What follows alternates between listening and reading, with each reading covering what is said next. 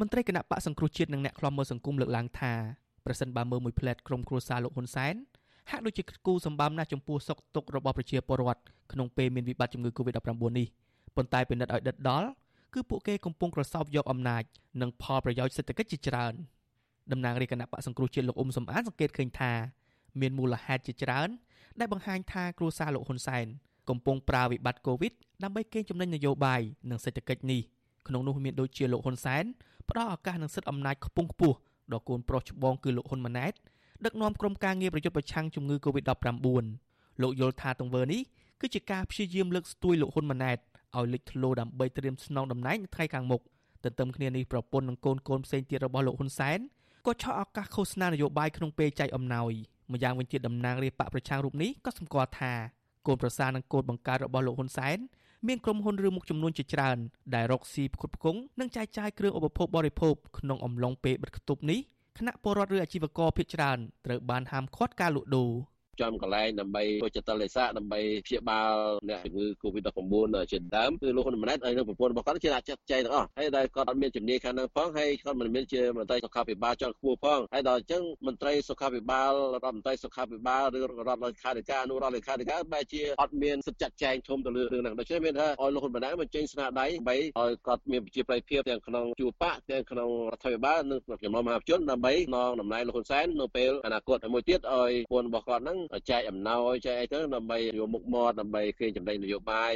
លោកអ៊ុំសំអានយល់ថាទង្វើគេចំណេញនយោបាយនិងផលប្រយោជន៍សេដ្ឋកិច្ចរបស់គ្រួសារលោកហ៊ុនសែននេះគឺជារឿងមិនត្រឹមត្រូវនោះទេព្រោះពាក់ព័ន្ធនឹងអំពើពុករលួយនិងការរំលោភអំណាចជាដើមលើពីនេះលោកបារម្ភថាទង្វើបែបនេះក៏មិនអាចទប់ស្កាត់ជំងឺ Covid-19 និងដោះស្រាយទុក្ខលំបាករបស់ប្រជាពលរដ្ឋឲ្យមានប្រសិទ្ធភាពបានឡើយ។ លោកហ៊ុនសែនហ្នឹងក៏ផ្ដល់ទូនាទីទៅឲ្យលោកហ៊ុនម៉ាណែតហ្នឹងដែលលោកហ៊ុនម៉ាណែតហ្នឹងផ្កាយ3ប៉ុន្តែគ្រប់គ្រងរហូតដល់ផ្កាយ4ក្នុងគណៈកម្មការផ្នែកសន្តិសុខហ្នឹងដែលយើងឃើញរំលោភអំណាចផងដូចថារំលោភទៅលើឋានានុក្រមនៅក្នុងជួរកងកម្លាំងប្រដាប់អាវុធផងដែរអញ្ចឹងដូច្នេះគេចំណេញទាំងផ្នែកនយោបាយទាំងផ្នែកសេដ្ឋកិច្ចចាប់តាំងពីផ្ទុះជំងឺ Covid-19 ក្នុងសហគមន៍លើកទី3មកលោកនាយករដ្ឋមន្ត្រីហ៊ុនសែនមិនបានចេញពីផ្ទះចោះជួបនិងចែកអំណោយដោយផ្ទាល់ដៃដល់ពលរដ្ឋដែលរងផលប៉ះពាល់នោះទេមេដឹកនាំដែលធ្លាប់មើលស្រាវជំងឺ Covid រូបនេះ ផ្ដល់ឱកាសឲ្យកូនកូនរបស់លោកស្ទើរគ្រប់គ្នាដើរតួនាទីជំនួសលោកនិងមន្ត្រីកម្ពុជាកម្ពុជាដទៃទៀតជាក់ស្ដែងកូនប្រុសច្បងរបស់លោកគឺលោកហ៊ុនម៉ាណែតត្រូវបានតែងតាំងជាប្រធានអនុគណៈកម្មការគ្រប់គ្រងសន្តិសុខនិងសម្ដាប់ធ្នាប់នៅតាមគោលដៅនិងតំបន់ធ្វើចតាឡេសារីឯភរិយារបស់លោកហ៊ុនម៉ាណែតគឺអ្នកស្រីពេជ្រច័ន្ទមូនីដឹកនាំក្រុមគ្រូពេទ្យស្ម័គ្រចិត្តសម្ដេចតេជោដើម្បីព្យាបាលអ្នកកើតជំងឺ Covid-19 ក្រុមគ្រូពេទ្យស្ម័គ្រចិត្តនេះមានកម្លាំងរាប់សិបនាក់និងហាក់មានធនធានសម្ភារៈគ្រប់គ្រាន់ ដោយសារតែលោកហ៊ុនសែនយកចិត្តទុកដាក់ខ្លាំងជាងមន្ទីរពេទ្យរដ្ឋតាំងតែពីដើមមកជាមួយគ្នានេះលោកហ៊ុនសែនព្យាយាមលើកសរសើរពីកូនប្រុសច្បងរបស់លោកជាបន្តបន្ទាប់និងថែមទាំងអួតប្រាប់មេដឹកនាំវៀតណាមថាលោកហ៊ុនម៉ាណែតកំពុងប្រឹងប្រែងសម្រាលទុកលំបាកនិងផ្ដោតក្តីសង្ឃឹមដល់ពលរដ្ឋកម្ពុជាក្នុងការប្រយុទ្ធប្រឆាំងនៃការរាលដាលនៃជំងឺ Covid-19 យ៉ាងពេញទំហឹងចំណែកស្ថាប័នកាកបាទក្រហមកម្ពុជាដែលស្ថិតក្រោមការដឹកនាំរបស់ភរិយាលោកហ៊ុនសែនគឺអ្នកស្រីប៊ុនរនីវិញ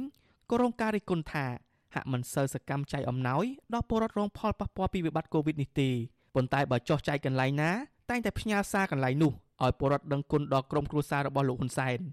កូនកូនមួយចំនួនទៀតក៏ដើរតួនាទីយកអំណោយដែលដាក់ឈ្មោះលោកហ៊ុនសែននិងភរិយា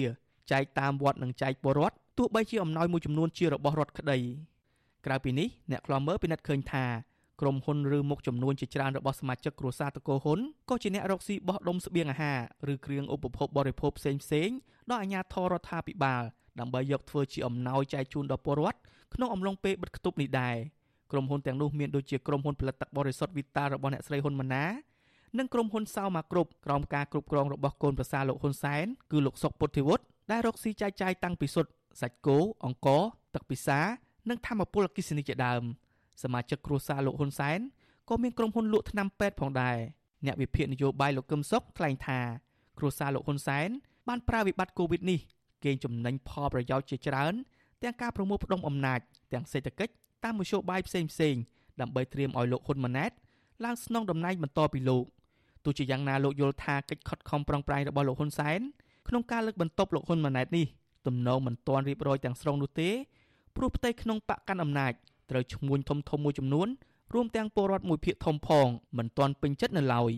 ខ្លាយជាអ្នកប្រមូលទ្រព្យពីពួកអ្នកមានអញ្ញា នៅក្នុងឈ្មោះប្រមូលទានមនុស្សធម៌ផងហើយសំខាន់បំផុតខ្លាយទៅជាអ្នកប្រមូលអំណាចឲ្យមូលនៅក្នុងដៃក្រុមគ្រួសារហ៊ុនតែម្ដងវាដូចជាឱកាសដែលក្រុមគ្រួសារហ៊ុននឹងរៀបចំយុទ្ធសាស្ត្រនយោបាយថ្មីផងពិសេសពាក់ព័ន្ធទៅនឹង ការផ្ទេរអំណាចពីលោកហ៊ុនសែនទៅកូនប្រុសហ៊ុនម៉ាណែតវាជាសេណារីយ៉ូមួយពង្រឹងអំណាចគ្រួសារហ៊ុននិងទ្រព្យគ្រួសារហ៊ុននៅក្នុងការរីករាលដាល COVID-19 នេះតែម្ដងតាក់ទងនឹងករណីនេះអ្នកនាំពាក្យគណៈបកប្រជាជនកម្ពុជាលោកសុកអេសានឆ្លើយតបថា